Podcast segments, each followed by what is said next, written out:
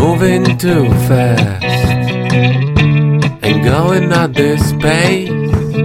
Smile on my face, smile on my face, smile on my face.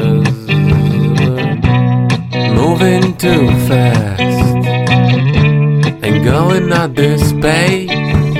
Smile on my face, smile on my face, smile on my face. Yeah. Dzień dobry, dzień dobry.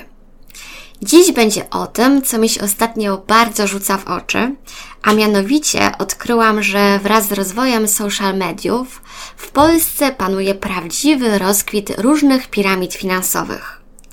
Muszę przyznać, że to bardzo mnie zaskoczyło, bo myślałam, że ten temat firm, które działają w oparciu o multilevel marketing jest doskonale chyba już wszystkim znany. Pamiętam, że już w latach 90. moi rodzice zostali zaproszeni na spotkanie przez swoich znajomych, którzy zaproponowali im pewną biznesową współpracę. Otóż zaproponowali im, aby zostali częścią jakiejś piramidy finansowej. Pamiętam wtedy te zagorzałe dyskusje w naszym domu, kiedy to rodzice z jednej strony pukali się w głowę, bo doskonale znany im był model działalności tego rodzaju firm, ale z drugiej strony z podziwem i z lekką nutką zazdrości patrzyli na nowiutki samochód tychże znajomych, którym udało się zrealizować jakiś plan sprzedażowy i nagle stać ich było na dużo nowszy i dużo droższy środek lokomocji. Już wtedy mój dziecięcy słowniczek poszerzył się o nowe pojęcie, którym była właśnie wspomniana już wcześniej piramida finansowa. Mi samej zdarzyło się już dwukrotnie być zaproszoną na jakąś prezentację biznesową, którą ku mojemu zaskoczeniu okazała się być zwyczajnym spotkaniem wstępnym, które miało na celu zachęcenie ludzi do zasilenia szeregów firmy, która to sprzedaje ekologiczne, zdrowe i unikalne produkty za bardzo wygórowane ceny, a ich zarobek jest generowany przez wszystkie nowe osoby, które wstępują w strukturę firmy. Trzeba przyznać, że jest to bardzo sprytny schemat, ale jest to niezwykłe, że to właśnie głównie w krajach Europy Wschodniej tego rodzaju firmy mają najwięcej członków. Wciąż istnieją ludzie, którzy łudzą się, że można zarabiać ogromne pieniądze przy minimalnym nakładzie czasu poświęconego na pracę. Wciąż w naszych polskich umysłach osoba, która odnosi sukces, to ta, która jeździ bardzo drogim samochodem, ubrana jest w kosztowne markowe ciuchy i spryskana jest od stóp po czubek głowy drogimi perfumami. Mam mnóstwo przebojowych znajomych, z którymi co chwila podróżuję do dalekich, ciepłych krajów. Taki człowiek sukcesu ma też całe mnóstwo wolnego czasu, bo przecież inni ludzie pracują na niego, a więc wypracowują jego zysk.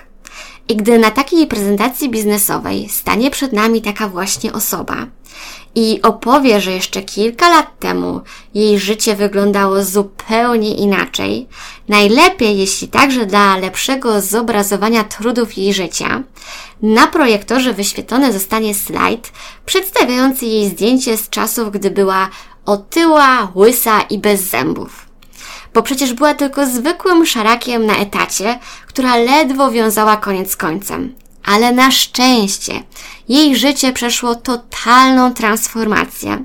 Z chwilą, gdy otrzymała możliwość skorzystania z szansy, jakie daje jej życie i rozpoczęła swoją karierę sprzedawcy w jakiejś firmie. Oczywiście plany sprzedażowe realizowała o wiele szybciej niż zakładały to jej cele sprzedażowe, więc firma sowicie ją zaczęła wynagradzać wycieczkami, samochodami i rwącym strumyczkiem gotówki, która to spływała do niej, a ona w tym czasie miała czas na realizowanie siebie, spędzanie czasu z rodziną, no i oczywiście na wydawaniu tych wcale nie ciężko zarobionych pieniędzy. No i teraz tylko żyć, nie umierać, bo to przecież chyba jest taka kwintesencja szczęśliwego i spełnionego człowieka sukcesu. I śmieszne jest to, że wielu ludzi w to wierzy i myśli, że to jest właśnie prawdziwy sukces. Dla mnie sukces to przede wszystkim całkowita wolność i radość z tego, że pracuje się na ustalonych tylko przez siebie warunkach. Czasami sukces to człowiek urobiony po pachy, brudny, spocony, a nawet styrany, ale szczęśliwy, bo wie, że to co robi jest zgodne z jego przekonaniami. I są momenty gorsze, ale to jest normalne i póki ma się zdrowie i chęć i motywację, to zawsze jesteśmy sobie w stanie jakoś poradzić. Sukcesem też może być praca na wymarzonym etacie u pracodawcy, który szanuje nas i stwarza możliwości rozwoju. Sukcesem jest odnalezienie tego, co lubimy robić i umiejętność utrzymywania się z tego. Jeszcze niedawno zastanawiałam się, skąd w Polsce jest tak ogromna liczba ludzi, którzy zajmują się zawodowo coachingiem. Teraz już wiem, że w związku z tym, iż w naszym kraju jest bardzo wiele firm, które działają w oparciu o multilevel marketing, to naturalnie nawiązuje się współpraca między tymi firmami a coachami. Taki coaching jest wręcz niezbędny, aby utrzymywać wysoki poziom motywacji w zespołach sprzedażowych. Tak więc później te osoby, które sprzedają jakieś produkty po bardzo zawyżonej cenie, najczęściej zakładają prywatne grupy na Facebooku i zapraszają do nich wszystkie potencjalne osoby, które można później, jak to się elegancko mówi, zaprosić do współpracy biznesowej.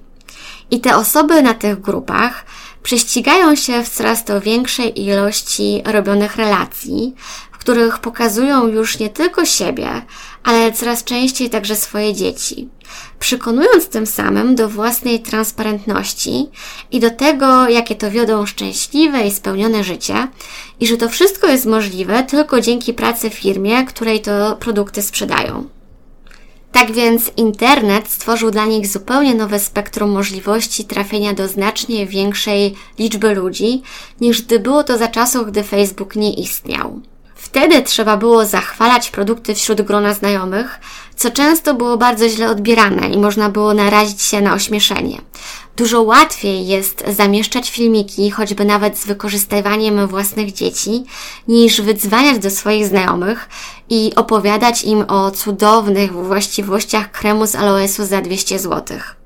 Umiejętne wykorzystywanie social mediów może nam pomóc trafić do specjalnie wyselekcjonowanej grupy osób, bardzo poddatnej na przekaz, który głosimy.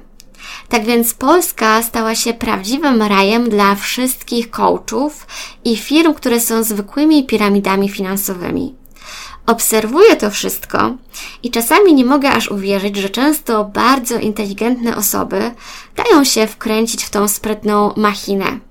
I ja wiem, że te osoby jak mantrę w kółko powtarzają, że nie robią nikomu nic złego i nie bogacą się również na nieszczęściu innych, ale z całych sił próbują wyprzeć ze swojego umysłu fakt, iż namawiają innych ludzi do kupowania produktów, które swoim składem nie różnią się niczym od całej masy rzeczy, które możemy kupić w sklepie za dosłownie kilka złotych a oni te same produkty sprzedają często po kilkadziesiąt złotych i opowiadają o ich właściwościach niestworzone historie.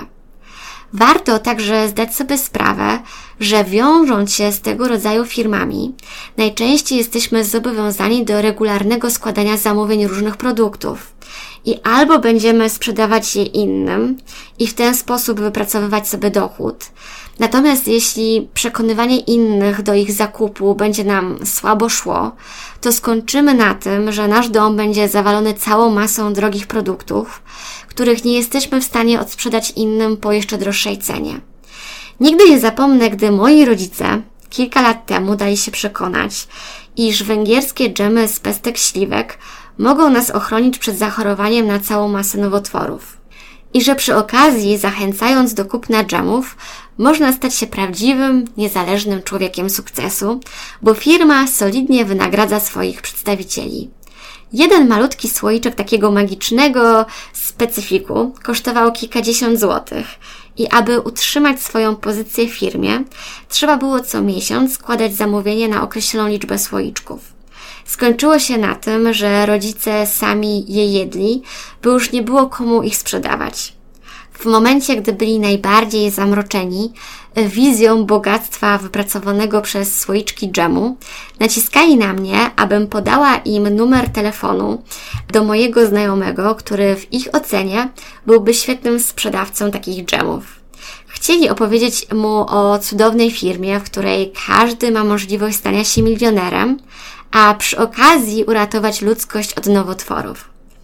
Zwyczajnie nie chciałam, żeby moi rodzice się ośmieszyli, więc kategorycznie odmówiłam przekazania numeru telefonu, a oni nawet przez chwilę byli na mnie za to obrażeni.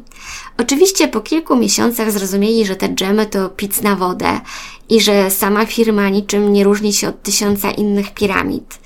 I moi rodzice też są przecież całkiem rozumnymi ludźmi, którzy w przeszłości otarli się już wcześniej o podobne firmy, więc doskonale znali te mechanizmy działania, a mimo to nawet oni dali się zwerbować. Na szczęście cała ta ich przygoda trwała jedynie kilka miesięcy, ale spotkałam też osoby, które zostały zwyczajnie oszukane przez tego typu firmy i straciły bardzo dużo pieniędzy. I mam też wrażenie, że wciąż mimo wszystko bardzo mało się o tym mówi i tego typu ludzie i firmy owiane są trochę taką zasłoną milczenia. I to jest dla mnie bardzo przykre, że wciąż tak wielu ludzi daje się koncertowo nabijać w butelkę, podczas gdy inni bogacą się na ich naiwności. Coraz więcej ludzi zaczyna promować jakieś cudowne produkty, adresując je również do dzieci. Kilka dni temu spotkałam się z moimi koleżankami, które dały się przekonać do ich zakupu, ponieważ nie miały w sobie aż tyle asertywności, aby odmówić swojej koleżance, która tak je zachwalała i namawiała do ich kupienia. Skończyło się na tym, że wydały kilkadziesiąt złotych na coś, czego nawet raz nie użyły i kupiły to tylko dlatego, że głupio było im odmówić kupienia czegoś, co rzekomo mogło wspomóc rozwój ich dziecka. To trochę tak jak z tymi dżemami, które miały nas uchronić przed nowotworem. To jest moim zdaniem nieetyczne. Nagrałam ten podcast nie dlatego, żeby wyśmiewać się z ludzi, którzy działają w piramidach finansowych, ale po to, aby trochę przestrzec osoby, które rozważają związanie się i zainwestowaniem pieniędzy w tego typu różne projekty. Mam znajomych, którzy stracili wszystkie swoje oszczędności tylko dlatego, że uwierzyli, że po zainwestowaniu pewnej sumy pieniędzy i wykupieniu pakietu startowego znacznie zwiększą szansę szybszego awansu w strukturze firmy. Zainwestowali dwukrotnie i zgodnie z obietnicą wypłacili znaczny zysk. Natomiast po zainwestowaniu po raz trzeci, firma, która zarejestrowana była na Szeszelach, ulotniła się z dnia na dzień, a oni swoich zainwestowanych pieniędzy już nigdy nie zobaczyli. Tak więc bądźmy mądrzy i rozważni. W dzisiejszym odcinku to już wszystko. Dziękuję za wysłuchanie i do usłyszenia w kolejnym.